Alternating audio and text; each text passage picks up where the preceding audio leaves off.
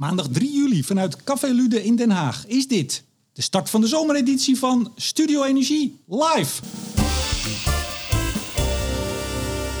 Met bier en bitterballen bespreken we het nieuws van de afgelopen maand met in alfabetische volgorde Marien Boonman, onafhankelijk energienerd, Raoul Bouke, Tweede Kamerlid voor D66 en Kobi van der Linden, directeur van het Klingendaal International Energy Program.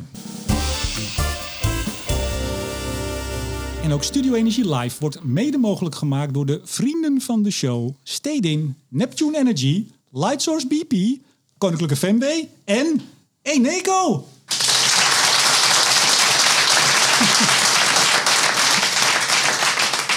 Marien Boonman, ja, alfabetische volgorde, vaste tafel, energie, nerd. Hoe is het met je? Ja, goed. Hoe is het met je duif? Dankjewel. Ja, uitstekend. Hij heeft een tweede leg. Oh. Dus ze zitten weer te broeden. Dus Ja? ja, ik ga binnenkort de livestream weer proberen eh, op energiefact.nl schuine streep pieps te zetten. Oh, die ligt, er, die ligt eruit. Ja, die, ja ik, ik- dit was een heel veel te lang verhaal om over te beginnen. Maar het werkt niet. Laten we het daarop houden. Vanmiddag persconferentie 2 uur. Rob Jetten, maandagmiddag dus. Het energiesysteem van de toekomst en de strategie van het kabinet om daar te komen.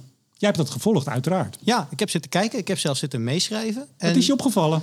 Een aantal dingen. Ik denk dat het NPE wel wordt waarvan wat ik hoopte wat het E-test zou worden. Namelijk een beschrijving van het energiesysteem. wacht even. Het wat wordt wat het wat was? Het NPE, dus wat zojuist is, eh, is gepresenteerd, het Nationaal Plan Energiesysteem. Hè, wat, eh, eh, dat het eigenlijk wordt wat het eh, expertteam energiesysteem eigenlijk op had moeten leveren. Namelijk een beschrijving van het energiesysteem zoals we het voor ons zien. Ja. Dus dat, ik denk ook wel dat dat een beetje gaat worden. En wat ik wel interessant vond, is dat Rob Jetten nu echt het had over zon, wind en kernenergie op gelijke voet. En dat, had, dat heb ik nog niet heel veel eerder zo in, het, in de politiek gehoord. Dus dat vond ik ook wel interessant. Interessant soort van verschuiving. Van, ja, we zijn met elkaar wel nu echt eens dat, we, dat dat de drie bouwstenen blijkbaar zijn samen met interconnectie opslag. En hij, hij struikelde niet over het woord kernenergie. Hij slikt het niet in. Hij had geen Nee, precies. Dat was in de niet, keel. dat was gewoon, niet met er een. goed oh, uit. ik wil dit eigenlijk niet, Nou, heel goed. vond ik. Raoul Bouke. Ja, kernenergie. Daar is D66 ook fan van, hè? Nou, fan is een groot woord, maar eh we hebben daar hele duidelijke afspraken over gemaakt in het coalitieakkoord. We zeggen het, eh, ja, het is een onderdeel eh, van de mix in de toekomst. Eh, volgens mij is het, eh, het akkoord daar heel helder over. We gaan de bouw van twee nieuwe centrales faciliteren. We gaan langer door met Borselen. Eh, en we hebben ook nog 5 miljard euro daarvoor uitgetrokken. Kijk eens aan. Tweede Kamerlid sinds 2021. Uiteraard, bij de Nieuwe Kamer. Wij kwamen elkaar tegen, oeh, dat is al een tijd geleden, 2019, op een CO2-conferentie. En volgens mij sprak je mij aan. Je was toen eh, druk bezig om eh, aandacht te krijgen eh, voor jouw race om in het Europees Parlement te komen. Je stond nummer twee, achter Sophie in het veld. Ehm, nou, dat ging best goed. Alleen kwam er iemand met voorkeurstem overheen. Ja, dat klopt. Ik, ik vond zelf dat ik het nog best goed gedaan had met 22.500 voorkeurstemmen. Maar eh, de nummer drie die haalde 32.000 Ja. Voorkeurstemmen. En dan eh, ja, krijgt die voorrang. Je hebt jarenlang in, eh, in Brussel gezeten, voordat je dus de politiek, of althans de gekozen politiek wilde. Je was ambtenaar.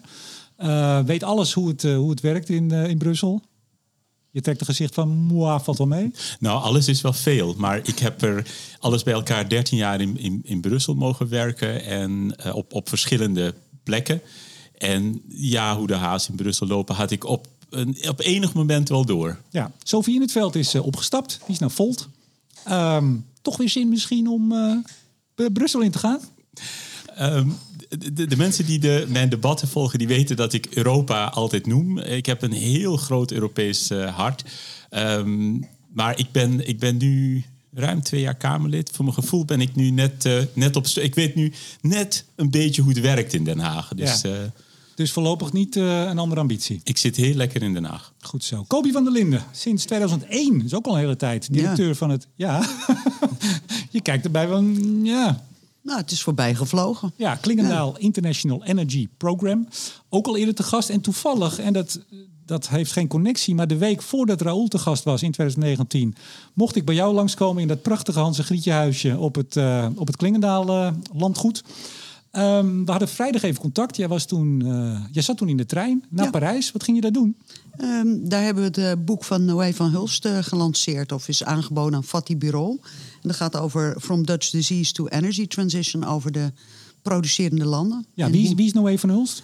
Dat is, die is eh, eh, nou, een hele lange lijst. Die is ooit DGE geweest in Nederland. Directeur-generaal Energie. Ja, daarna is die naar het IEA gegaan. Daarna is die ehm, eh, het hoofd geworden van, eh, van het secretariaat van het Internationaal Energieforum in Riyadh. En eh, daarna weer terug bij de OCD en het IEA. En daar nu nog zit hij nog in wat ik noem het IP. Dat is de waterstof samenwerking van een heleboel landen. Ja, dus, maar, eh, maar iemand die heel erg internationaal Ja. kijkt en echt precies weet hoe de hazen lopen in de wereld. ja, Het klinkt en- groot, maar het is wel zo. Ja, ja en, en dus ook inderdaad gewoon heel veel mensen kent die bezig zijn. En eh, ehm, is, is soms een wat andere discussie dan op de postzegel Nederland, zullen we maar zeggen. Ja, dat boek is via jullie website. Even Ja. een kleine, kleine sales pitch. Is gratis ook, hè? Ja, kan je gewoon dus- helemaal downloaden in zijn geheel. En waarom moeten mensen het lezen? Ehm, omdat het eh, interessante inzichten geeft. Ook omdat Nederland een van de case studies is. Hoe het met onze gasinkomsten is gegaan. En die worden vergeleken ook met, eh, met Noorwegen en met, eh, met Saudi-Arabië en andere landen. Ja, Marien, waarom zit jij zo te lachen? Ik weet niet of dat te horen was, maar Ja. jij staat Ja, erg te ik lachen. hoorde het wel.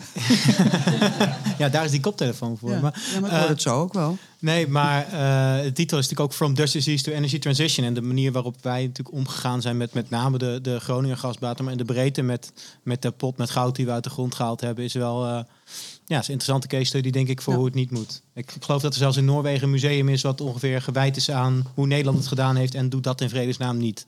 Nou, ik, ik, dan moet je toch echt het boek even lezen. Want ook Noorwegen, daar, daar, daar komen ook verrassende resultaten uit. Het is gewoon echt heel lastig om dat heel goed te doen. Omdat we hè, in de tijd dat die eh, olieprijzen heel erg omhoog gingen...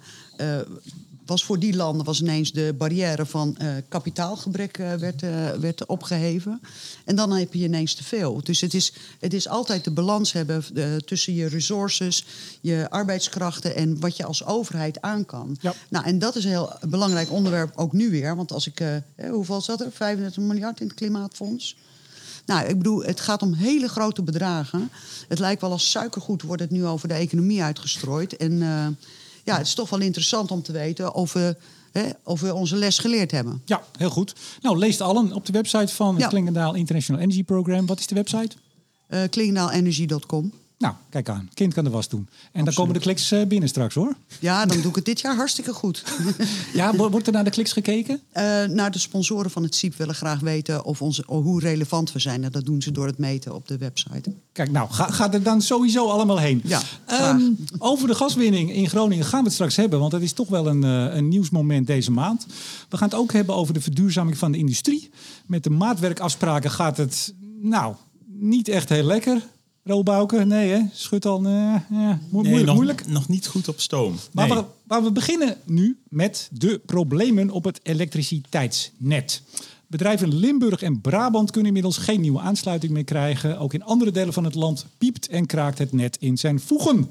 Zo zit het in Woerden vol, in Hillegom, in Overijssel. En ik zou dit eh, kunnen oprekken tot ongeveer de duur van deze podcast. Doe ik niet. Ehm, en na grote bedrijven krijgen ook consumenten en kleine ondernemingen ermee te maken. Dat meldde Liander in maart al. Minister Jette kwam afgelopen maand met een brief over hoe hij de problemen wil aanpakken. Met verzwaring en uitbreiding van het net, maar vooral met meer flexibel gebruik. En toen kwam het ACM, de ACM ook nog, afgelopen week... eh, ja, met een eh, bericht dat netbeheerders contracten met alternatieve transportrechten mogen gaan aanbieden. Nou, dan kom ik meteen bij Marie natuurlijk. Ja, heb je het over dit soort termen, dan kom je bij jou terecht. Eerst even die congestie, toch even. Er luisteren mensen die weten er heel weinig van. We hebben heel veel luisteraars. Wat is nou die congestie? Heel kort de bocht, eh, dat je op een zeker moment meer elektriciteit wil transporteren dan de capaciteit is van de componenten die daarvoor nodig zijn. Dus je moet je voorstellen, er staat een transformator, daar kan eh, 100 kilovolt ampère doorheen. En je wil op dat moment 110 trekken, dan gaat die stuk. Ehm, die netbeheerder die maakt vooraf prognoses en heeft allerlei veiligheidsmarges. Maar heel, ja, die managementsamenvatting van congestie is dat daar je ergens tegen die grens aan loopt en moet zeggen: ik kan geen capaciteit meer uitge- uitgeven. Eh, bedrijf X, Y, Z kan geen aansluiting meer aanvragen, want dan gaan wij op, of kan geen capaciteit meer aanvragen, sorry. Want dan gaan wij over, eh, over die fysieke grens heen en dan vliegt de boel op een gegeven moment gewoon in de Ja, fik. of, of die mooie zonnepanelen die je met veel Ja. trots hebt eh, aangeschaft, die klappen eruit. Althans, die doen niks meer, want eh, overbelasting dreigt. Ja, dat werkt dus twee kanten op. Hè. Dus je kunt afnamecongestie hebben, je kunt invoedingscongestie hebben. Daarnaast staat in de requirement for generations dat een een generator gewoon bij 253 volt uit moet, omdat de netspanning niet hoger mag worden dan dat. En als je dan gaat invoeden, dan druk je die spanning omhoog. En dat is waar mensen thuis nu af en toe last van hebben, is dat dan je omvormer uitvalt. En dan worden ze heel boos, want dan kunnen ze niet meer salderen. En Ja. We, hebben hier trouwens eh, vanmiddag eh, eh, eigenlijk alle netbeheerders eh, hebben we hier zitten. Misschien kunnen ze zich even laten horen. Ik ga een stuk beter op mijn woorden letten. Ja, dus dat wou ik net zeggen. Dus eh, kijk uit, ze zitten hier allemaal. Ze zitten hier niet voor niks natuurlijk, hè? Ze wisten dat, denk ik. Even Marien, eh, en dan kom ik zo bij, eh, bij Roel Bouke. Ik las in de brief van Jette, ik noemde hem net al... dat eh Tennet vorig jaar 53 gigawatt aan transportcapaciteit aangevraagd kreeg... waar ze normaal de jaren daarvoor 6 tot 8. Ja, dat is toch zich, een bizarre hoeveelheid. dat is op zich goed nieuws. Dat betekent dat we met z'n allen willen elektrificeren. Het is een beetje lullig dat het niet lukt. Maar het, het is op zich is het goed nieuws. Nou, dat is een mooi bruggetje naar een Tweede Kamerlid. Een beetje lullig dat het niet lukt. Brief van Jette, eh, 22 kantjes. Eh, ik heb hem eh, vanochtend nog even gelezen. Vind je het een goed plan? Wat is het plan van aanpak? Hè? Wat gaan we nou doen? Het probleem kennen we, de meeste mensen wel. Eh, zeker de ingevoerde, zeker de mensen die hier zitten. Maar het plan wat er nu ligt, voldoet dat voor D66 aan wat het moet zijn? Nou, misschien eerst even één stapje terug. Want wat Marien zei, daar ben ik het helemaal mee eens. We hebben, eh, wat het zegt, is dat eh, hè, er heel veel vraag is hè, om te elektrificeren. En wij hebben eh, deze coalitie, en hè, daar zijn we toch wel een drijvende kracht achter, hebben stevig ambitieus klimaatbeleid in gang gezet. Wij willen ook dat er veel meer geëlektrificeerd wordt. Ehm, dus dat is de positieve kant van het verhaal, dat er meer vraag is. Tegelijkertijd zie je dat inderdaad eh, aan die vraag niet voldaan kan worden. En ik, ik ben ehm, over die brief van Jette ben ik positief. Ik denk dat hij, ehm, dat hij onderkent dat eh, ja, de netcapaciteit uitgebreid moet worden. Ik vind hem ook heel realistisch over wat dat zal betekenen. Dat dat niet allemaal in één keer kan. Ehm, Ja, bedrijven nog tot 2027, 28, als het een beetje pech hebben, nog langer in de wacht moeten staan. Nou, een beetje onderscheid tussen twee zaken. Eén, dat eh, we eh, enorme uitbreiding nodig hebben van de netcapaciteit. Maar dat we eh, in de tussentijd wel oplossingen moeten vinden. In de vorm van hè, meer flexibiliteit op het net. En daar somt hij ook een aantal oplossingsrichtingen voor. Ik, wat, ik belangrijk vind aan die brief is dat er ehm, een, een duidelijke eh, ambitie, maar ook realiteitszin eh, uitspreekt.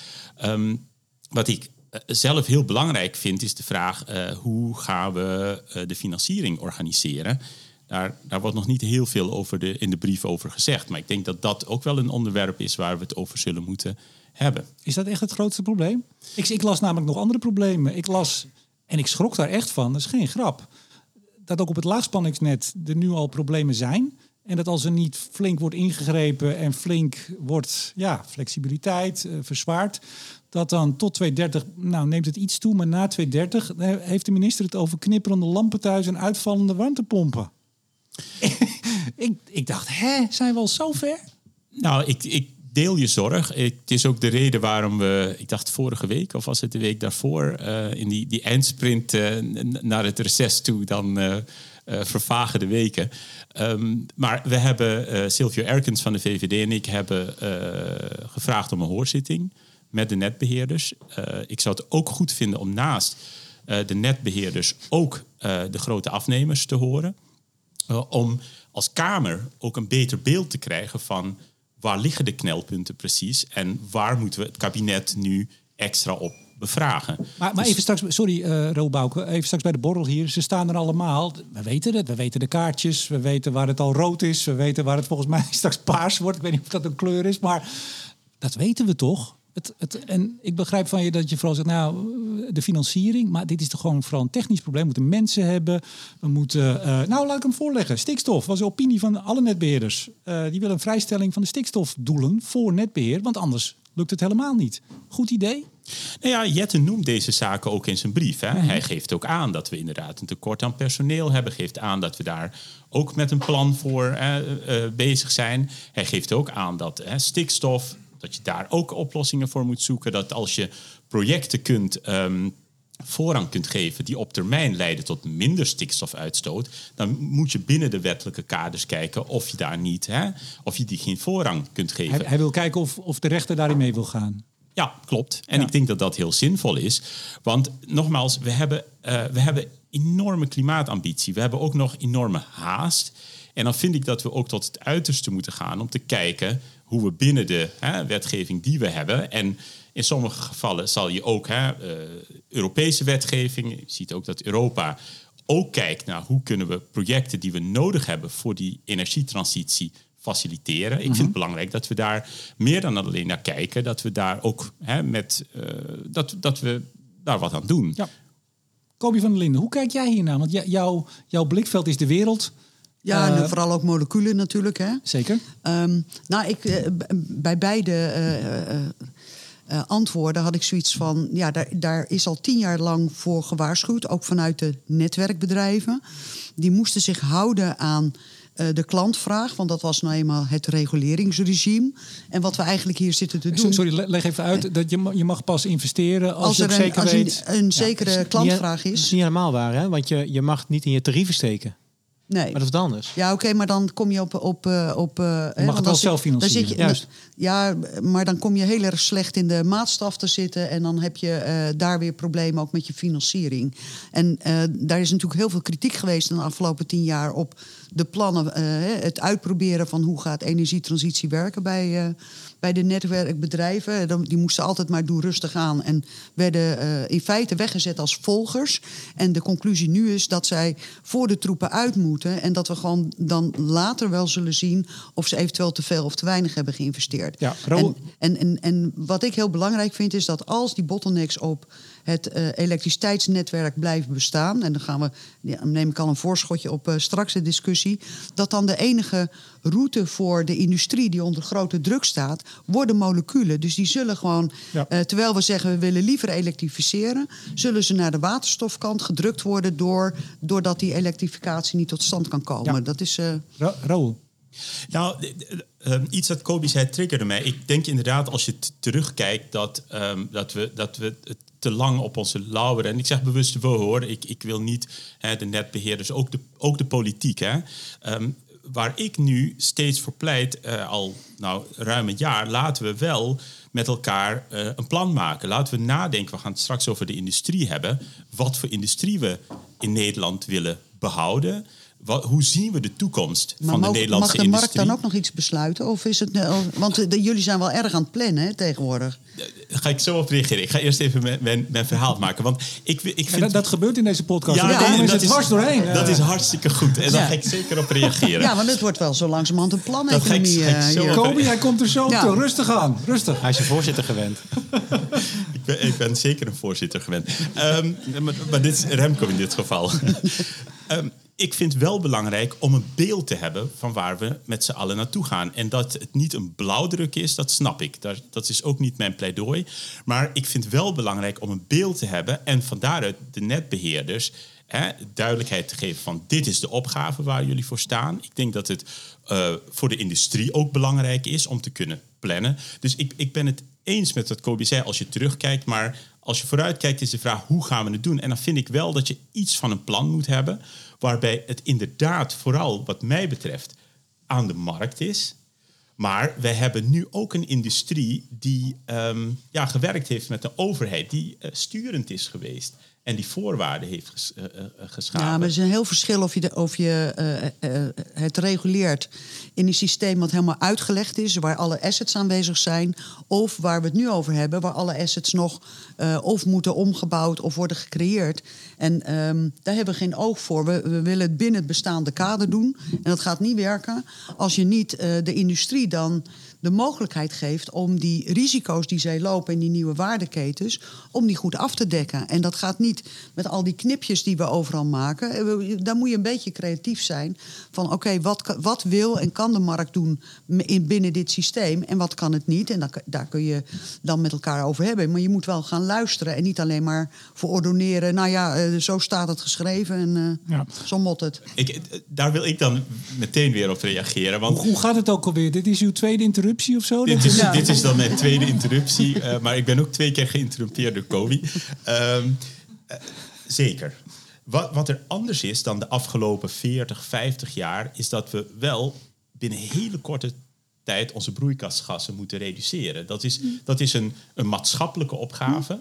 Dat, en dat is nieuw. Dat is echt anders. Dus binnen die eh, constraint, of wat is het goede Nederlandse woord daarvoor? Binnen Beperking. die beperking moeten we het doen. En dat is geen kleine beperking. Dat is een hele forse, hele forse beperking die heel bepalend is voor wat wel en niet gaat kunnen in de toekomst. Dus ik, ik binnen die ruimte denk ik inderdaad moet je het overlaten aan de markt. Ik, we gaan nogmaals, ik ga geen voorschot nemen op het industriestuk, maar Ja. ik vind het wel belangrijk om die wel even te noemen. Ik ga even naar Marien toch. Ma Marien, een hele simpele vraag eigenlijk. Komen we hieruit? Want als ik die brief lees, en, en eh, Bouke en, en Raoul en, en Kobi brengen prima punten naar voren. Maar als je het leest en je ziet in hoe korte tijd we eigenlijk al bijna gewend zijn geraakt. Je ziet hoogleraren en ik geloof de rijksadviseurs die zeggen... ja, we moeten maar wennen aan het feit dat we niet meer allemaal op alle momenten stroom hebben. Het is toch een. We zijn toch in relatief heel korte tijd ergens beland waar we toen in 2013 het energieakkoord werd gesloten. We totaal niet dachten dat we zouden belanden. En ook nog niet eens bij het klimaatakkoord. Komt dit goed? Spreek Ja. ons toe. linksom of rechtsom eh, kom je eruit. De vraag is hoe. En de vraag is met hoeveel bedrijvigheid in je land nog. En de vraag is met welke bedrijvigheid in je land nog. En de vraag is met welk welvaartsniveau in je land nog. En wa- waar ik, nou, waar ik persoonlijk wel een beetje... eh, aan- want ik heb, ik heb de brief uiteraard ook gelezen. En het zinnetje wat jij citeerde vond ik wel heel, eh, heel alarmistisch. Want een omvormer die er een keer uitknalt... Nou, daar, moeten we echt met z'n allen niet van wakker liggen. En voordat we echt te maken krijgen met eh, dat, die mate van afname congestie in het laagspanningsnet... Er zijn net beheerders in de zaal, maar ik zie het niet, ik zie het niet zomaar morgen gebeuren. Ehm, maar waar Mag, ik, mag, ik, mag ik je onderbreken? Natuurlijk. Ik heb vanochtend nog even getwitterd een artikel. Nee, ik heb een artikel nog even getwitterd wat ik in 2016 in het FD schreef. Toen was er een test gedaan en de, de netbeheerders die al wat langer werken, die weten het nog. Ik weet niet meer waar het was, Lochem geloof ik. Waarbij geprobeerd werd om het net eruit te klappen. Eh, de netbeheerder, ik dacht Liander, die dacht eh, dat gaat ze niet lukken. Eh, ze hebben champagne gekregen, de bewoners, want die wonnen. Ik geloof alle auto's gingen aan. Ze kregen allemaal een afbak pizza in de oven. Er gingen nog drie Ja. jacuzzi's aan. Het hele net klapte eruit. Ja, maar dat is logisch als je met anderhalf kilowatt per woning rekent. Ja, maar er is, niet zo, er is relatief niet zo heel veel voor nodig. En als je ziet hoeveel we elektrificeren, hoeveel mensen een elektrische auto hebben. En die Bouke zal het, zal het heel erg fijn vinden. Maar het wordt steeds, we hebben steeds meer spullen nodig. Nee, ja, dat, Of we nodig, die hebben we. Ja, nee, nee, dat, dat klopt zonder meer. En het is een reëel risico. En kijk, er is, er is eh, als je kijkt naar waar we nu staan, is er de afgelopen 10, 15 jaar blijkbaar onder geïnvesteerd. Eh, en dan wordt er heel snel naar de ACM gewezen. Dan, dan net bij Nederland zegt meteen, het is een schuld van ACM, want het mag niet in de tarieven. Mijn stelling zou zijn, kijk eens naar, kritisch naar hoe je aandeelhouder je bestuurd heeft, hoe je aandeelhouder gezegd heeft dat je eh, moest opereren. En waren de wethouders meer geïnteresseerd in dividend of meer geïnteresseerd in een elektriciteitsnet? Ehm, en, maar, maar ook de, de hele houding van ja, maar er is geen flexibiliteit nu. Ja, Natuurlijk, er is flexibiliteit zat, maar ze gaan langs de deuren met, met één contract wat niemand wil hebben. En dan concludeert de netbeheerder, oh, er is geen flexibiliteit hier. Oké, nou dan pleur het wel dicht. Ja. Dus, en en dan, dan zou ik veel meer willen zeggen. En dat gaat gelukkig, je houdt het al aan, hè, de, de publicatie van de Autoriteit Consument en Markt van afgelopen woensdag was het. Mhm. Eh, zeggen ze nou, ga nou eens met wat, wat meer, eh, wat creatievere eh, contractvormen werken. Om eens te kijken of je flexibiliteit loskrijgt op de manier waarop degene die de flexibiliteit wil bieden, het, ja, het ook kan en er ook wat aan heeft. Want als je alleen maar zegt, hey, ik heb een capaciteitsbeperkingscontract, u krijgt een paar euro als u terugregelt, zijn bedrijven niet in geïnteresseerd. Ja. In mijn optiek. Ze willen uitbreiden, ze willen verder met hun, met hun bedrijf. Kamerlid Bouke. Ik las ook in de brief van Jette en die zegt ja. Eh, ik vond het een hele goede brief trouwens. Ehm, eh, die zegt aan het eind ja, eh, beschikbaarheid van energie en ook de betaalbaarheid daarvan is heel erg belangrijk voor de economische ontwikkeling van een land. Zegt ook dat, dat er nu al schade wordt geleden door de problemen die we nu hebben. En als we de brief goed lezen en we trekken de curve even door, dan zien we dat het veel meer gaat worden. Dat gaat niet snel minder worden. Hoe, hoe kijk je daar tegenaan als, als volksvertegenwoordiger als het gaat over de economie van het land? We komen zo bij industrie nog, maar we hebben het hier ook over MKB. Hè? We hebben het over relatief al kleine bedrijven die in de problemen komen, die gewoon vijf jaar moeten wachten. Ja, dat, dat, dat, is, dat is ook heel zorgwekkend. Ik moet heel eerlijk zeggen, voor mij is die brief eh, ook wel... eh, het, het, het glas is half vol. Want eh, als we een paar jaar terug in de tijd gaan... dan werden denk ik een hoop van de problemen die in die brief onderkend worden... en waar ook oplossingen voor aangeduid werden toen nog niet onderkend. Ehm, ik denk dat met name de positie van MKB... Nou ja, vandaag kwam ook het nieuws naar buiten dat mijn collega Romke de Jong pleit voor... eh, ja, eh, ja, ook wel een, een fonds, hè, eh, zodat MKB'ers die willen verduurzamen ook de financiële middelen krijgen om, die te om, die, om te verduurzamen. Maar dan moet inderdaad wel de netcapaciteit beschikbaar zijn. Dus ik, ja, ik kan niet anders zeggen. Ik, ik vind deze brief een goede eerste stap in de onderkenning en ook hè, aangeven welke oplossingsrichtingen er zijn. Ik heb zelf, ik dacht een jaar terug, uh, al gepleit voor wat ik toen noemde een rijksarchitect voor het, voor het net. En ik weet nog dat daardoor het kabinet ja, dat werd een klein beetje weggewuifd. Nu zie ik in de brief dat er wel uh, een, een, wordt het een coördinator genoemd, wordt aangesteld, maar dat is dan voor. Ik zou zeggen een congestiecoördinator. Een congestiecoördinator, inderdaad. Heerlijke functie lijkt me dat. Dat weet ik niet. Uh. Vooral als je de jacuzzi ergens mag uitzetten. We, we, hebben ook al zoveel coördinatoren en gezanten en fondsen overigens. Dus het is weer een fonds ja, weer een fonds.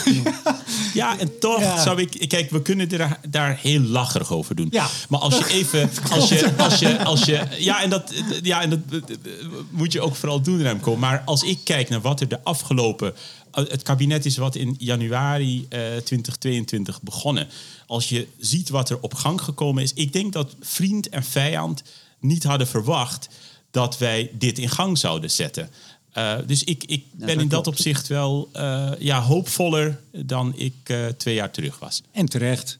Maar je moet ook af en toe een beetje kunnen lachen, meneer Bouke. Nee, zeker. Maar zeker de, aan het begin van de ik, zomer. hè? De, ja, ga je gang. Ja, we begrijpen het. Um, slotwoord, Kobi, hier over dit onderwerp. Um, ja, misschien um, gewoon over de fondsen. Kijk, er wordt nu in korte tijd heel veel gedaan. En ik, ik, ben daar erg blij mee, hè, met de manier waarop uh, het wordt aangevlogen. Maar het is nu he heel veel. Hè. Het zijn best hele grote bedragen. Er, zit ook, er is ook heel veel huiswerk gedaan. Heel veel huiswerk van over in welke volgorde moet je dingen doen. Ik denk dat dat ook uit die, die brief heel erg spreekt. Dus dat je vooral met je infrastructuur voor de troepen uit moet in plaats van erachteraan.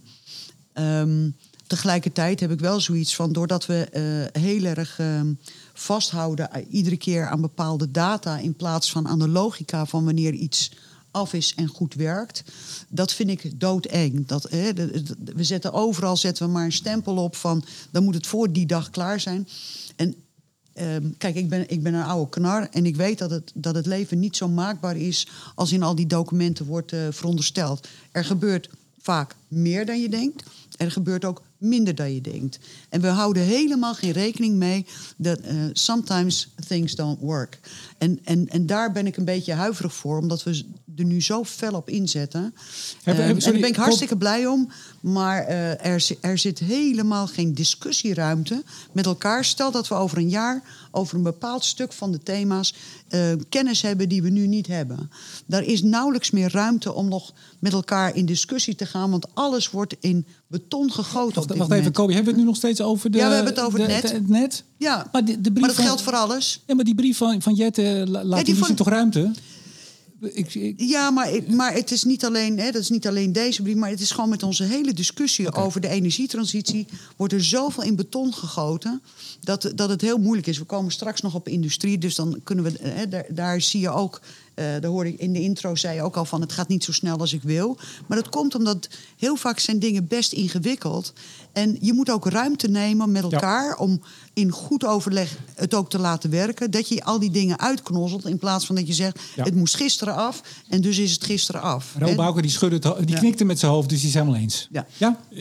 Mag niks uh, erover zeggen? Even, Zeker nog een derde interruptie, natuurlijk. Ja, nee, fijn, dank. Um, ik, ik, kan daar een heel eind in meekomen. Dat is ook de reden. Kijk, voor mij is leidend dat we in 2050 klimaatneutraal zijn. We hebben, we hebben teruggerekend, we hebben gezegd, nou, dan moet je gaan zitten op hè, uh, 55 tot 60 procent. Uh, we hebben daar afspraken over gemaakt. Wat wij ook gedaan hebben met het aanvullend klimaatpakket, we hebben gezegd, we gaan toch wel, we gaan het beleid zo vormgeven dat we met enige zekerheid de doelen wel halen. Daar zit dus een zekere, noem het overprogrammering in. Hè, als je kijkt naar, uh, nou ja goed, ik, ik zal daar niet, uh, want Remco nee, wordt ongeduldig, maar we, er is ruimte.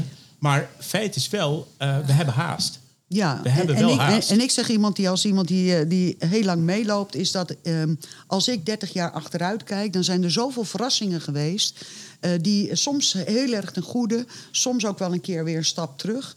En die ruimte hebben we wel nodig om met elkaar het op Ja. een maatschappelijk verantwoorde En manier dit, te doen. dit, kun- dit punt Ja. kunnen we bij ieder Ja, onderwerp natuurlijk precies. aanraken. Het is bijna een beetje een, een soort dat- discussie tussen... eh, nou ja, Nou ja, maar ik Ja. bedoel, daar wordt wel heel veel vooruit gepland en eh, af, uit modellen gehaald. Dat ik denk van, nou ja, hè. ja. Ik heb net beloofd Was dat we het weer met zo u blijven. Dus ik ga inderdaad als een, als een ongeduldige voorzitter, meneer Bouke, Ja, ga gaan we ik naar gas over. lekker door. Ik kan ook mensen dichtzetten. Dat, dat doe ik niet hoor, maar dat kan ik wel. Ik kan de microfoon Kan dichtzetten. de voorzitter in de Tweede Kamer ook? Ja, hè? ja, bij sommige mensen gebeurt het wel eens. Ja, dat is heel leuk om te zien ook. Ja, ja. We gaan over Groningen. Groningen gaat dicht per 1 oktober. Eh 1 oktober aanstaande, ja. 60 jaar na de start van de productie van het aardgas in Groningen. Zo heeft het kabinet bekendgemaakt. Een jaar later gaat het veld ook echt definitief dicht. Ik denk dan eh, beton in de putten, maar nu nog even niet. Eh, aangezien de productie uit kleine velden op land en op zee ook fors afneemt, zal de vraag de komende jaren vooral zijn: waar halen we ons aardgas dan nog vandaan? Ja, LNG, ja, dat is makkelijk, maar dat is ook niet zo makkelijk. Dat gaat Kobi van der Linden zo vertellen. Maar ik ga eerst even naar Marien. Eh, ik heb jou hier staan op mijn papiertje als getroffene in Groningen. En dat zeg ik zonder ironie of eh, wat dan ook. Eh, grote problemen met het, het ouderlijk huis. Klopt. Je hebt me wel eens een briefje gestuurd om even mee te lezen van... nou ja, wat zijn dat voor briefjes? Bezwaarschriften, whatever. één grote puinhoop. Wel, Hoe kijk jij naar zo'n besluit? Doet, doet je dat wat? Of zeg je, nou, gooi maar in mijn pet? Ja, ik vind het moeilijk om daar, om daar wat. Ik, ik weet niet zo goed wat ik daarvan moet vinden. Omdat wat je, wat je ziet is, het is een heel. eh, het is niet een, een, een, doorrekend besluit of zo. Het is een. eh, er is in 2013 is er iets heel doms gedaan. En sindsdien is het allemaal is alles onbespreekbaar. En moet dat veld gisteren dicht. En dan een beetje eh, misschien bijna teruggrijpt op wat, wat net zegt. Voor, voor wie het niet weet, wat is dat dom in 2013? Eh, ja, op een gegeven moment heeft, ik meen, eh toenmalig minister Kamp heeft, eh, heeft nog even een paar miljard kuub er ergens bij, eh, erbij verzonnen. En in de parlementaire enquête kwamen we erachter dat de financiële motivatie toch, eh, toch significant was. Het, het was iets. Ik bedoel, de gas is, 53. omhoog, is, omhoog gegaan, dat is een ja, ze hebben er een paar miljard kuub bij, eh het bij idee dat, dat Kamp maar riep van zeg, draai me nog maar even lekker open. Dat heeft hij in ieder geval zelf eh, genuanceerd en op zijn minst een ander verhaal ik, gegeven. Zullen ik nodig zo? de luisteraar uit om het, eh het Zeker, verhoor van, ja. van, van Dijsselbloem eh, Ja, doe goed, dat. goed, te Zeker. goed te beluisteren. Nee, dus het is, dus het is, het is eh, eh, een politiek besluit om Groningen te sluiten. En dat besluit is op een gegeven moment genomen. En eh, het kabinet heeft zich daar in de persoon van, eh, van staatssecretaris Velbrief enorm aan gecommitteerd. Ja. En ze doen dat nu. Of dat eh, gezien de huidige geopolitieke situatie de meest gelukkige beslissing is. Eh, voor het klimaat niet. Dat is heel simpel. Voor het klimaat kun je beter gas uit Slochteren gebruiken dan gas uit Texas gebruiken. Alleen er kunnen lokale eh, effecten zijn of er kunnen moverende redenen zijn om je lokale productie ehm, eh, te verminderen of te stoppen. Kobi van der Linden? Nou, ik denk dat eh Marine het uitstekend verwoordt over hoe deze hele aanloop. Ik denk dat die data die je net noemde, eh, die zijn nog wel relevant. Omdat de stikstoffabriek die moet wel echt ook eh, eh, af zijn en werkend zijn. Ehm, Ook dat een, zal- ook een drama, hè? Die, ja, da- daar, daar zit wat vertraging in. Zo zie je, maar het kan tegenzitten in het leven. Ja. Ehm, en dat maakt het dus, dus moeilijk, waardoor, waardoor inderdaad hè, dat laagcalorisch gas nog, nog even moet blijven. Ehm, Maar nou, nou wil SODM, die wil eigenlijk de putten echt helemaal afgesloten Ja. hebben 1 oktober al. En niet een jaar later. Wat vind je daarvan? Ehm, nou ja, kijk, dat heeft te maken met de taak van de SDOM. Hè. Die, die wil zo snel mogelijk, hè, er zullen nog aardbeven ook nasluiting zijn. eh, hè, gewoon omdat dat, omdat dat veld eh, ehm, zich, zich verder moet, eh, moet zetten. En die wil die periode natuurlijk zo snel mogelijk ingaan dat dat ook minder wordt. Dat is vanuit hun taak, snap ik dat heel goed dat ze dat zeggen. Ehm, maar ik heb eh eh Vuilbrief ook horen zeggen dat hij dat afweegt tegen de belangen van eh, andere Nederlanders. Op het moment dat ehm, er niet genoeg laagcalorisch gas aanwezig is in ons systeem en mensen daardoor weer in de problemen komen, dat hij die. En, en, en dan is op de waakvlam zetten, eh, denk ik, het, eh, eh, ja, gewoon de gulden middenweg. En misschien, ik, wil, ik wil niet heel negatief doen, maar ja, ik heb me toch wel een beetje geïrriteerd deze winter. hè, ik bedoel, het was een hele zachte winter, dus we zijn er goed doorheen gekomen. Ehm, Maar dat is absoluut geen garantie. En als je kijkt naar de investeringen internationaal in, in, in gas, dan zie je dat er eh, tot 20, zei ze, hè, begin 26 zo'n beetje, eind 25 als we geluk hebben, dat er niet zo heel veel eh, extra gas bij komt. En het gas waar nu in geïnvesteerd wordt, ja, dat wordt eigenlijk allemaal weggecontracteerd door niet-Europese partijen. Dus ik bedoel, het komt ook helemaal niet naar Europa, want we zijn zo eh, voorbij 2023. Eh, we zijn al helemaal in de waterstof en in de elektrificatie, die geweldig op stoom is, hebben we net gehoord. Voor de luisteraar, dat was Marine. Ja, dat was- ja, ja. Ja, vooral die waterstof gaat keihard. Ja, ja, ja. Dus, en en dat, we, dat we ons dus niet meer durven committeren aan, eh, aan iets wat we niet meer nodig hebben. En ik, ja, ik moet eerlijk zeggen, ik, eh, ik, ja, ehm, Zeg het maar gewoon. ja, ik, ik, heb er, ik begin er zo langzamerhand echt lol in te krijgen. Gewoon in het cynisme wat daardoor eh, steeds aangewakkerd wordt van... je- je hebt als overheid heb je niet alleen een taak op klimaat... maar je hebt ook een taak op betaalbaarheid en op voorzien, voorzieningszekerheid. Eh, dat is heel moeilijk eh, om, om die drie, drie dingen ehm, tegelijkertijd te realiseren. Maar een beetje balans is, is wel fijn. Vooral omdat er heel veel mensen in Nederland het ook best wel... ondanks dat we het fantastisch hadden gedaan... Hè, met ik doe aanhalingstekens voor Ja. de luisteraars... hè, we hebben hartstikke veel mazzel gehad... Ehm, Maar jij vindt die balans is nu niet die goed? is- die- nee, ik ga ik even naar Bouke zo. ik vind, ja? ik vind die balans eh, eh, niet goed genoeg. Dat we, kijk, ik, vind niet, ik, ik, heb, eh, ik kan leven met ieder besluit, maar discussieer er op een verstandige manier over. Hier wordt niet over gesproken. Het is allemaal gewoon. Hè, je moet binnen het bepaalde frame moet je woorden uiten, want anders lig je, ben je gelijk weer klaar. En dan ben je, gecanceld. ben je weer gecanceld. En dan mag je, mag je niet meer meedoen. Terwijl het heel belangrijk is dat we hier juist ook vanwege de elektriciteitscongestie allerlei dingen op ons afkomen. Waarbij het heel nuttig is als we dingen gewoon benoemen en ook snappen waarom. Ja, eh Marien zat heftig mee te knikken. Ik ga nu naar eh, Kamerlid Bouke. Die balans is er niet. Niet goed, althans zegt Van der Linden. Ja, ik, ik, ik, ik deel die observatie niet. Althans niet ehm, de, de, de inkleuring die, eh die Kobi daaraan geeft. Volgens mij is die ruimte er wel. Ik vind ook dat we niet al te makkelijk heen moeten stappen over wat er het afgelopen jaar, of het afgelopen anderhalf jaar gedaan is. Ik denk dat het kabinet gedaan heeft wat ze moesten doen. En dat, heeft, dat zijn ook echt gewoon, zeg ik in alle eerlijkheid, ook pijnlijke besluiten geweest. Ik, ik ben hè, een partij die zich hè, vind ik terecht ook de Klimaatpartij van Nederland noemt. Maar wij hebben eh, een besluit moeten nemen om de kolencentrales weer harder te laten draaien. We hebben eh, import van LNG, dat inderdaad eh, in, in veel gevallen soms, soms echt gewoon tot meer uitstoot leidt dan eh, het Ja, gas het zijn dat allemaal korte termijn contracten. Ja, ehm, maar dat hebben we allemaal met kunst en vliegwerk gedaan. Dus ik, ik ben wat minder pessimistisch over waar, waartoe we in staat zijn als de nood aan de man is. Ja, maar dat hou je geen vier jaar vol.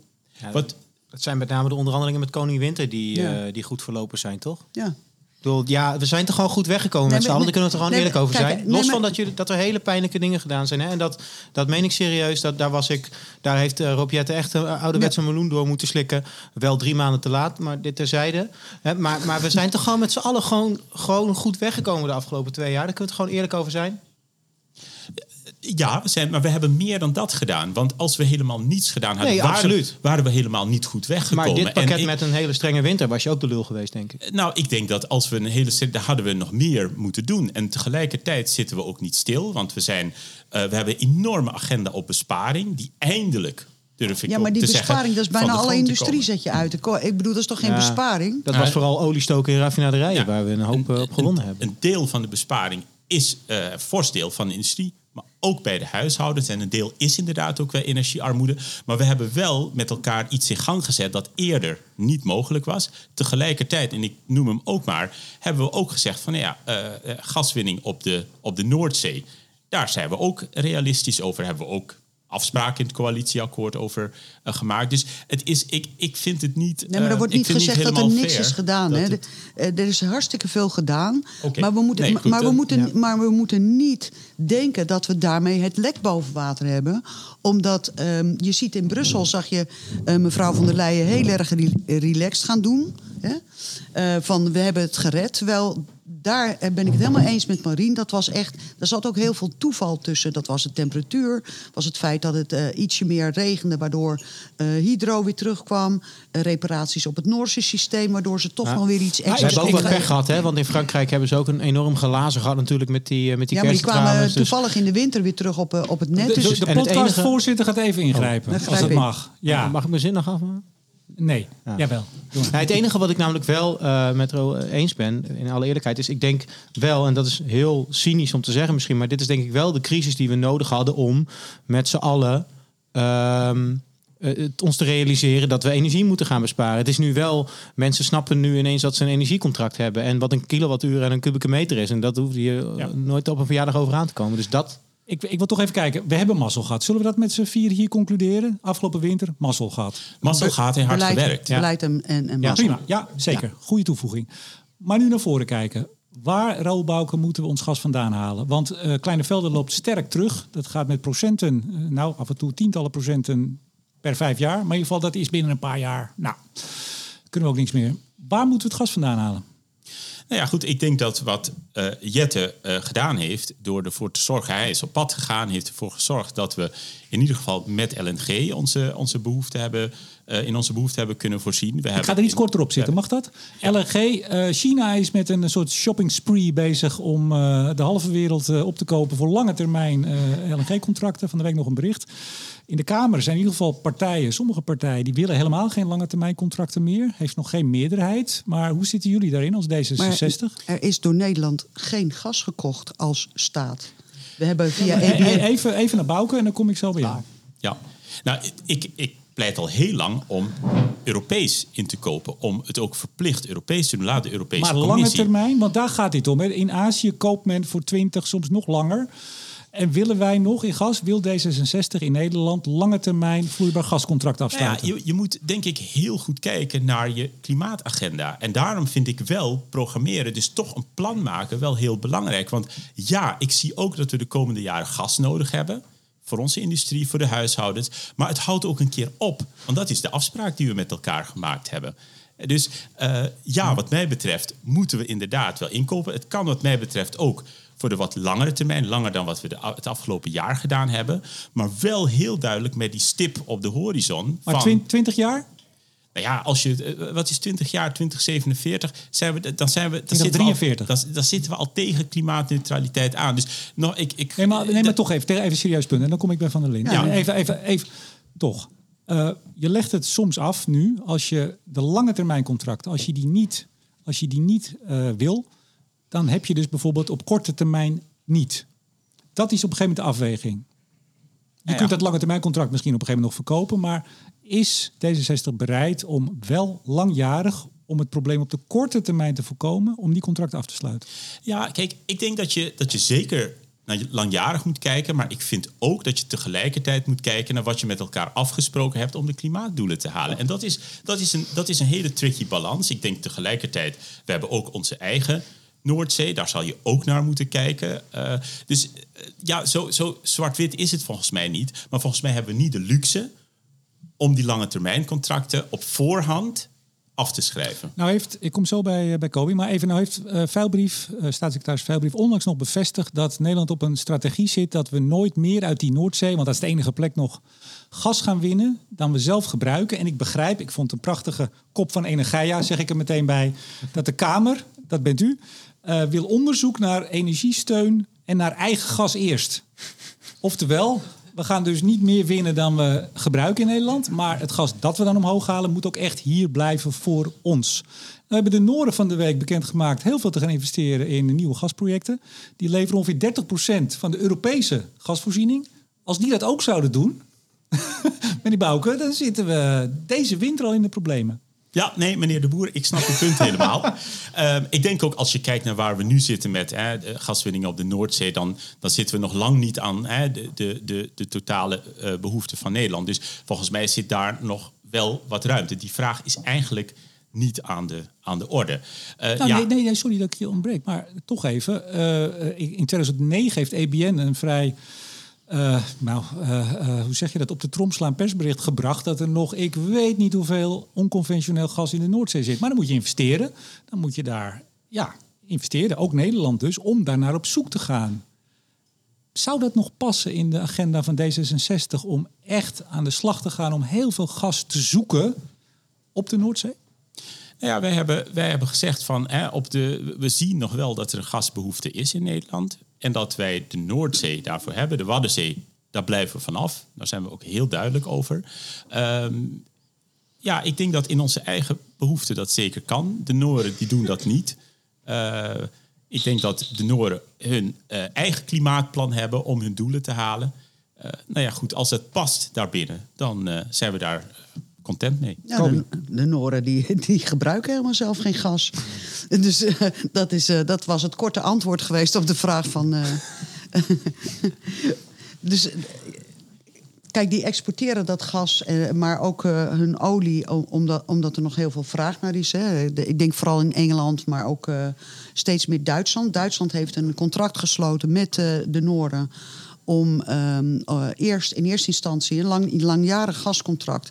Gascentrales aan te sluiten, maar wel met een, een afspraak daarin dat ze samen gaan werken aan blauwe waterstof en dat de CO2 in Northern Lights wordt opgeslagen. Nou, in feite zou je kunnen zeggen, waarom, waarom doen wij als, als Nederland nu zo schichtig? Want in feite, alles, alles wat je zegt, betekent gewoon dat wij op de spotmarkt gas gaan kopen. Want ik bedoel, um, het klonk fantastisch, maar dat is wat, wat, je in feite zegt. Dan ja, op de korte termijnmarkt. Op de korte termijnmarkt ben je bezig, gewoon spotgas. En uh, als we pech hebben en ergens anders is er heel veel vraag, nou, dan gaat het hier weer door het plafond. En, en uh, de vraag van Remco was: ben je bereid om wat meer zekerheid ook naar die investeerders die dat nieuwe gas moeten gaan ontwikkelen, die uh, liquefiers in, in Amerika of uh, ergens anders, ben je bereid om daar een langjarig contract mee af te sluiten, zodat we iets meer zeker hebben op die, hè, die termijn tot 2030. Maar dan hebben we inderdaad, dan moeten we daarna wellicht dat gas decarboniseren. Ja? Dat zou kunnen met CCS, maar dat zeg je niet. En. Um, ja, dat vond ik een hele interessante, omdat, omdat in feite het signaal vanuit die gasmarkt is van, hè, ik bedoel, Qatar was denk ik heel duidelijk van, uh, ja, ik bedoel, als jullie hier komen shoppen voor vijf jaar en wij moeten voor miljarden een schep in de grond doen, gaat hem niet worden, want dan liggen alle risico's bij ons. Dat hoor je ook van Amerikaanse projecten, dat ze uh, ze gaan echt niet meer investeren op de manier waarop de Europese partijen in die markt opereren. Dan zeggen ze, ja, daar kunnen we helemaal niks mee.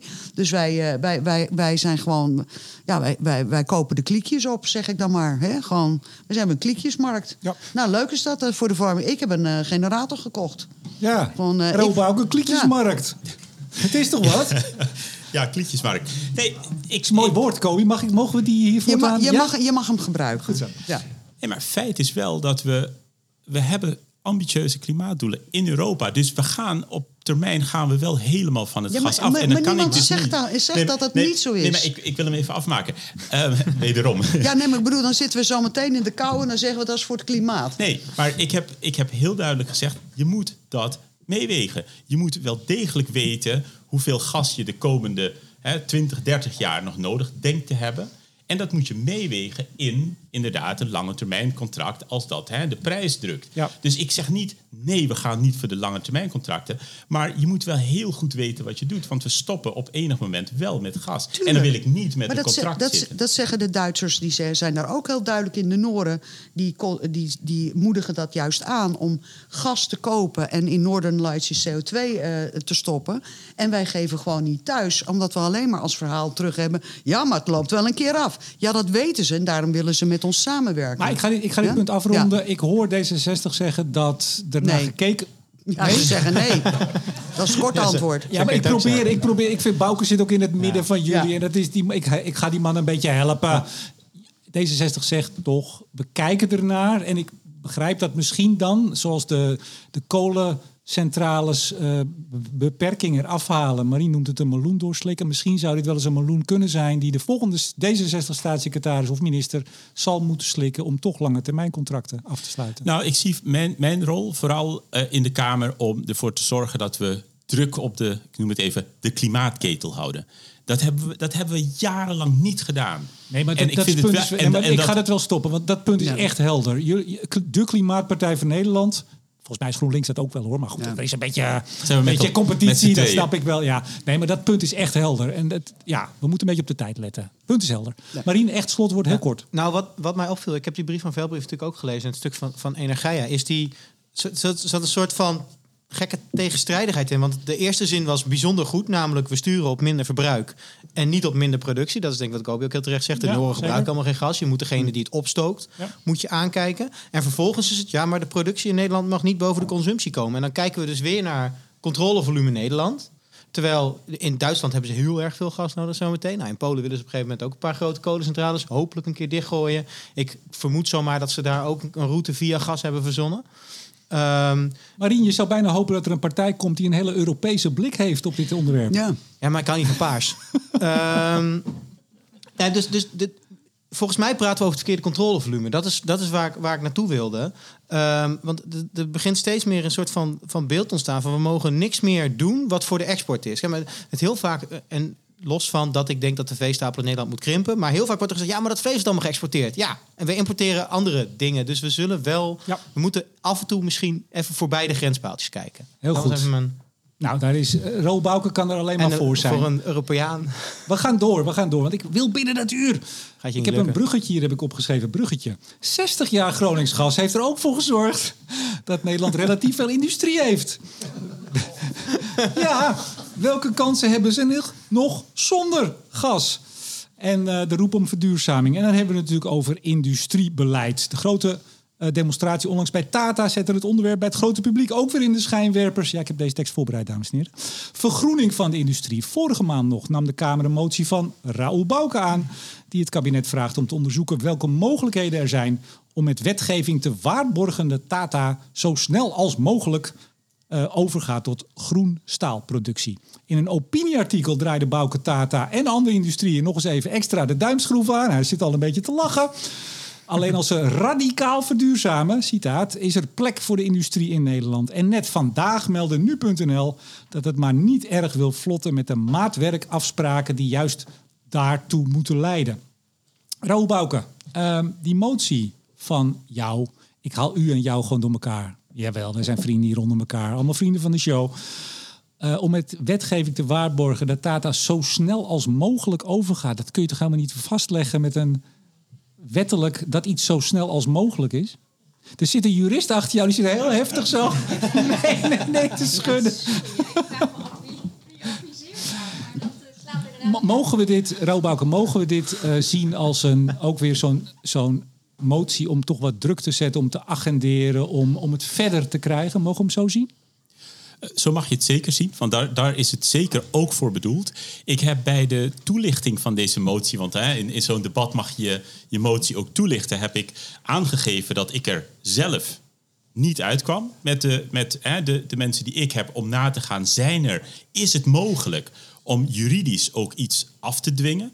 Eh, en om die reden heb ik het kabinet, dat een ambtenarenapparaat van nou, bij EZK, dacht ik, 400 eh, mensen heeft, om dit te onderzoeken. Daar komt die, vandaar deze motie. Nee, maar Ehm, dat zo snel mogelijk. Als je dat erin zet, dan is de discussie dus wat is zo snel mogelijk. Maar nogmaals, het is vooral Ja. een druk. Toch? Het, Druk- het, is, het is zeker een drukmiddel. En Ja. het is een, een drukmiddel. Kijk, ik heb eh, aan het begin van deze eh, kabinetsperiode gezegd... ik wil heel graag dat we eh, in Nederland industrie houden. Dat het groene industrie wordt. Daar eh, breken we ook in elk debat een lans voor. Ik vind wel dat het kabinet, en daar hebben we minister Adriaans toe opgeroepen... dat ze wel onderzoek doet naar wat, wat is die industrie van de toekomst. Nou las ik een opiniestuk, ook van jouw hand. Dat kwam tegelijk. En je zegt nu, nou, wij willen de industrie houden en dat geloof ik. Ja, natuurlijk. Als je dat zegt, dan geloof ik dat. Maar ik las die opinie over Tata. Ik dacht, nou, Tata moet zo snel mogelijk dicht. Begon met eh, de grootste klimaatvervuiler, dat was zin 1. En dan ging het over dat mensen die er wonen 5% meer kans op kanker hebben. Ja, dat staat daar. En dat, dat zijn toch wel de zinnen waarvan je denk ik weet dat als je dat publiekelijk hard roept als D66-Kamerlid, dat is niet, daar begin je niet een tekst mee, we willen Tata graag in Nederland houden. En dat gaat verder. Eh, Tata weigerde tot 2021 zich in te spannen voor echte verduurzaming. Verantwoordelijk minister van Economische Zaken Adriaans, dus je noemde er al, predikt vaak groen eh, hier eh, liever. eh, predikt zo van, nou daar heb ik ook eigenlijk niet zoveel vertrouwen in. Ik vond je opiniestuk erg hard voor de toon die ik van D66 ken over de industrie. Kl- Klopt dat een beetje of is dat, heb ik dat verkeerd? De, de, de toon is zeker hard. En dat is omdat ik me echt zorgen maak over het tempo waarin Tata aan het verduurzamen is. Ehm, ik, was, ik, ik was, dacht ik, een maand Kamerlid en toen stond ik op het Malieveld eh, bij een FNV-bijeenkomst. en nou ja, daar zijn op- opnames je allemaal terugzien. Ik heb gezegd, ik wil heel graag de staalindustrie hier houden, maar dan wel groen. En ik was ook heel blij met het groen staalplan. Alleen wat ik nu zie, is dat het wel heel traag gaat. We hebben heel weinig tijd. En ik, ik ben ergens bang dat de rekening bij de Nederlandse belastingbetaler komt te liggen. En dat er uiteindelijk geen groen staal komt. En dat zou voor mij echt het slechtst mogelijke scenario zijn. En ik voel mij als volksvertegenwoordiger, want dat ben ik als Tweede Kamerlid, is het mijn taak om die druk op de ketel Maar- maar- eh, maar te houden. die- En, en, en om die reden zo'n opiniestuk te schrijven. Dus hij is bewust. Heel en er staat, je kunt het ook nagaan, niets van wat daar staat klopt niet. Tata is Zeker. de grootste uitstoter. Zeker. De kankergevallen in de omgeving Ja, van Tata Steel. klimaatvervuiler schreef je hoor. Ja, nou ja, goed, dat is een woordkeus waar je over kunt discussiëren. Remco, jij Nee, zou andere nee. bewoordingen kiezen, maar Eens, de feiten kloppen, zeker. grootste uitstoter.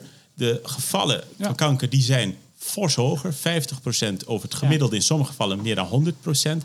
We, we- het is onze taak om hier Ja. meer dan gewone aandacht Maar aan even te die, re- die rekening zeg je. Want on- onlangs, dat was ook deze maand, eh Duitse regering 1,3 miljard stoppen die in ThyssenKrupp. In de vergroening. En minister Habeck eh, van de Groenen, toch ook niet een, eh, laat ik zeggen, ook een partij die heel veel, misschien wel de klimaatpartij van Duitsland. Je weet het niet. Beetje de D66 van Duitsland.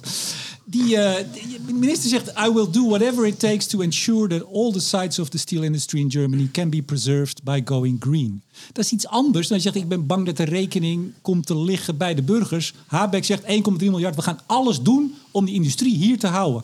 Gaat D66 dat ook doen? Wat, wat ik zou willen, dat we in Europa groen, de groene staalindustrie hebben en houden. Want ik zie dat we enorme staalbehoeften hebben. Nee, nee maar Ik sorry, zou- sorry ik ga dit, Nee. de voorzitter gaat dit onderbreken. Dit is echt geen antwoord op de vraag. De vraag is volgens mij heel simpel. Ga- Gaat D66, en je mag ook voor de coalitie spreken, wat je wil, gaat die er alles aan doen? Habeck pakt gewoon 1,3 miljard uit de achterzak. Die zegt, die is een kroep hier. Wij gaan alles doen. Dat is een heel andere houding.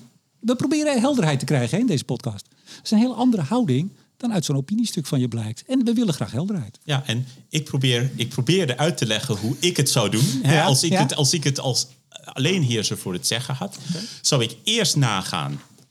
wat is de staalbehoefte in Europa? Welke rol kan... Hè, wat kan er binnen Europa geproduceerd worden? En wat zou in Nederland eventueel kunnen? Ik, ik zou dus echt kijken naar... eh, We produceren nu staal voor de Europese auto-industrie. Met name de Duitse industrie. Wat wordt de behoefte in 2040? Hoeveel auto's gaan we nog? Rollen er nog van de Maar band als je zo snel Tata wil vergroenen als nodig is, ook voor de ambities van D66, dan is het prima om het onderzoek te doen. En dat, die gebeuren ook. Hè. We weten natuurlijk heel veel. De, de hoeveelheid staal die Tata produceert is ongeveer evenveel staal als we in Nederland op dit moment gebruiken. Niet helemaal vergelijkbaar in het soort staal hè, wat, ze- wat ze produceert. Maar de hoeveelheid staal die Tata produceert is evenveel ongeveer als we in Nederland gebruiken.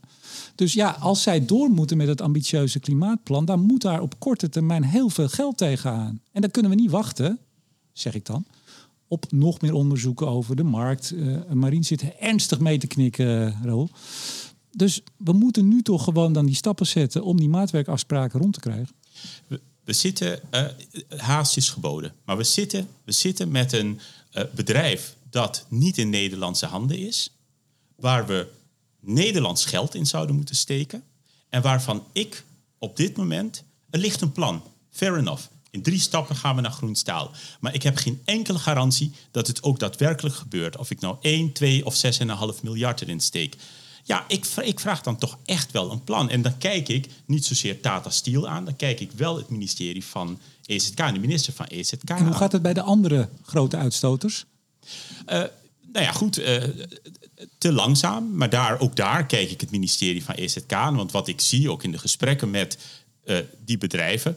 ze willen, hè, er liggen ook plannen klaar. Er lagen op, eh, ik weet nog, op 9 juli 2021... hebben we met de grote eh, industriebedrijven om de tafel gezeten. De plannen die liggen er. Dus ik vraag ook, en dat eh, in het nu.nl-artikel vandaag zei ik ook van...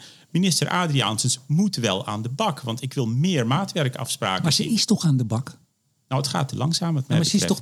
Ja, maar ik, de reactie van de minister die zien we natuurlijk ook. Ja, ja, ik vertaal het maar een beetje voor haar, maar ze is heel hard bezig. Zij kan ook geen handen, eh ijzer met handen breken, toch?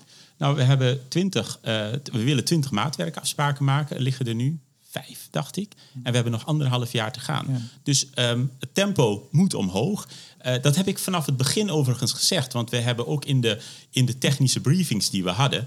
werd het mij al duidelijk van... jeetje, als we, als we dat op deze manier gaan doen... dan redden we het niet. Ja. Dus ik, ik, ik zit het kabinet op dit punt wel echt heel dicht op de huid. Want ik wil heel graag dat bedrijven zoals Shell en Dow... Hè, Ja. blijven en schoon gaan produceren. Maar ik heb heel goed nieuws, Ro Bouke.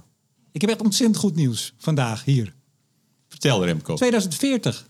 2040 is geen uitstoot meer voor dit soort bedrijven. Die stoten niet meer uit, want er is er ETS-rechten zijn er niet meer. Ja, fantastisch Dus over systeem. 17 jaar zijn ze sowieso op nul. Ja, klopt. Ik zou, ik zou een applausje verwachten hier, maar nee, dat, dat komt dan toch niet. nou ja, als, ja ik, eh, van mij mag Nee, maar- het nee, maar applaus. to- toch maar even- dat applaus is, is, is dan voor Europa. Want dat hebben, we, Ja. hè, dat hebben wij met elkaar in Europa voor Nee, elkaar nee, maar dus het lijkt soms als ik, als ik ook zo'n stuk lees... en eh, dan hebben we het even niet over de uitstoot...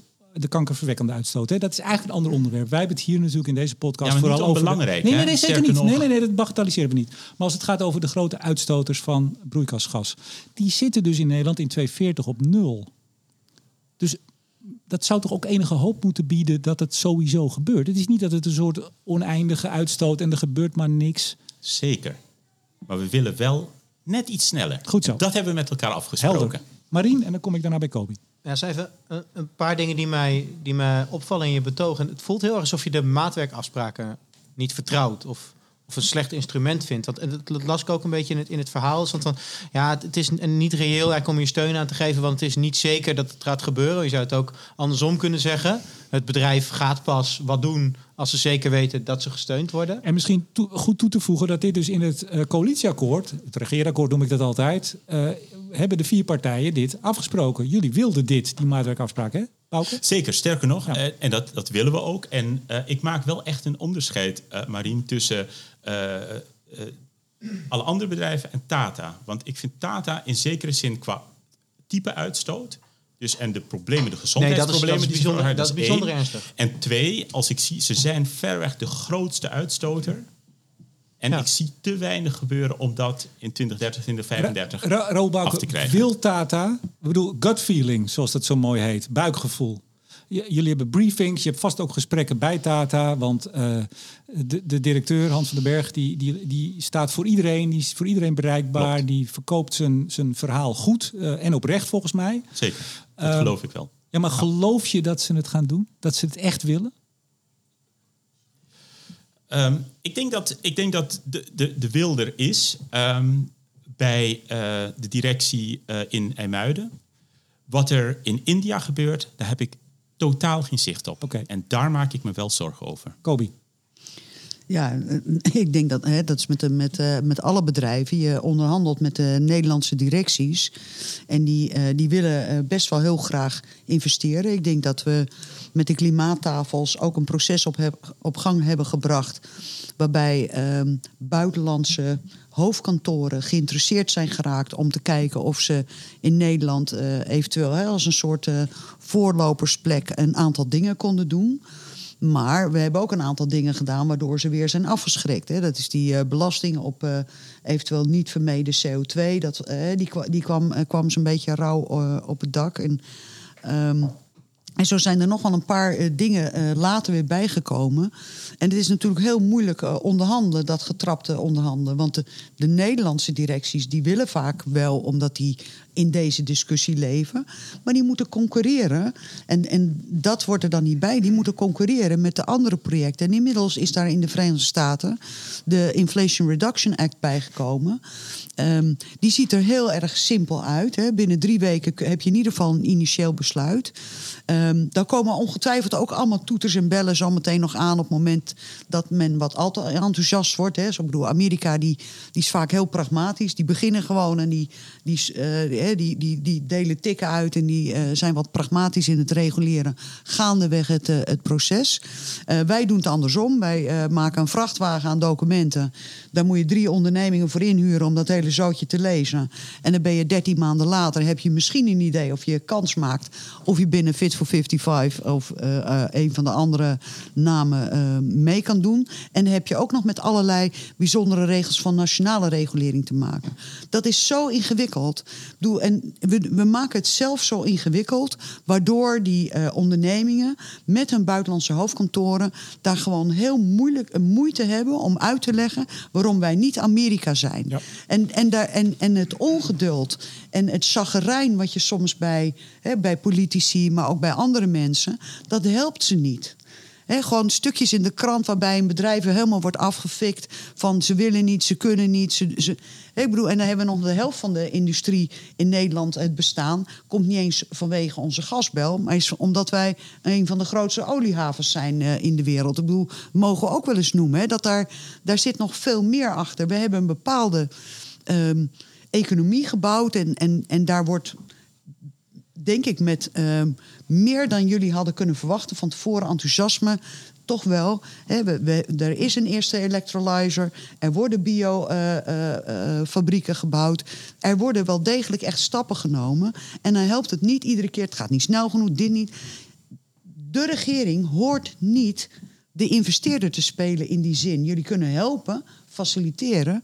Maar het is niet zo dat je overal op de stoel van de CEO Ja. moet gaan zitten. Dat is Helder. wat ik daaruit proef. Eh, we gaan afronden. Eh Raoul Bouke, eh, minister Wiebes, oud-minister Wiebes, die had één echt grote zorg.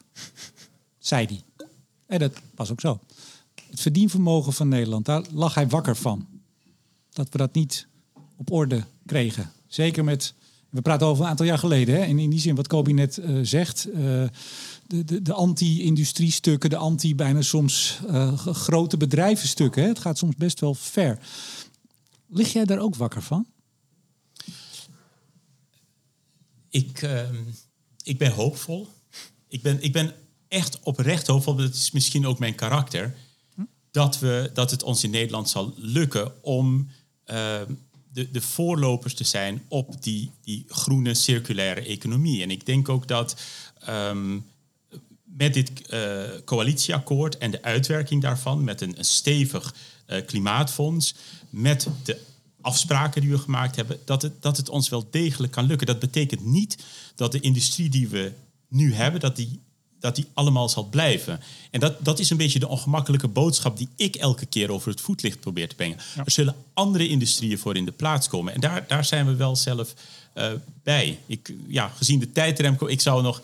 Nee, dat- want, want eh, we hebben het heel vaak... eh, ik, ik, ik word heel vaak in de hoek geduwd van... ja, u zegt wat er niet mag. Maar er is zoveel dat we wel kunnen doen. Helder.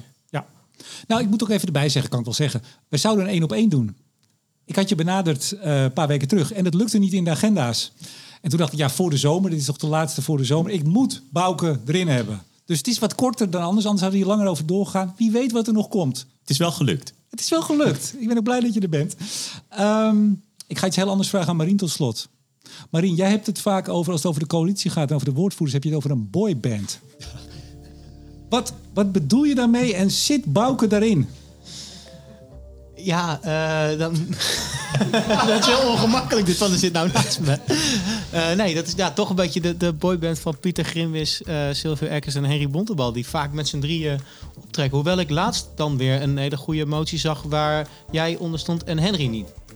Dus daar was het dan ook alweer. Dus misschien dat er een soort van, soort van V2.0 van de van Ik, de ik wil eigenlijk komt. vandaag proberen tot slot om te kijken of Raoul Bouke ook in de Ja, boyband nou, wat mij van de betreft, andere drie wat mij betreft dus wel. Ja? Ik vind dat hij wel een Raoul Bouke, heeft, zou je eh. dat want De, de drie trekken wel vaak met z'n drieën op, hè? Dat is wel zo. Het is wel heel leuk om dit te horen, want eh, achter de schermen, we kunnen het met z'n vier, we kunnen het heel goed vinden met elkaar.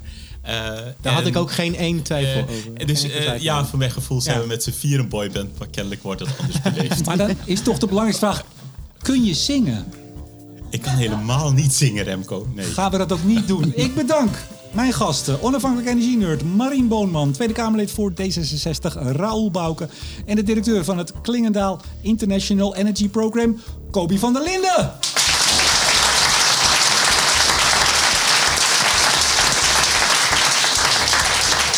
En natuurlijk zeg ik dank aan het publiek hier in Café Lude. En uiteraard bedank ik ook jullie beste luisteraars. En in het bijzonder alle vrienden van de show. Waaronder Stedin, Neptune Energy, Lightsource PP, Koninklijke FMW en Eneco. Mijn naam is Remco de Boer. Graag tot de volgende keer bij Studio Energie live.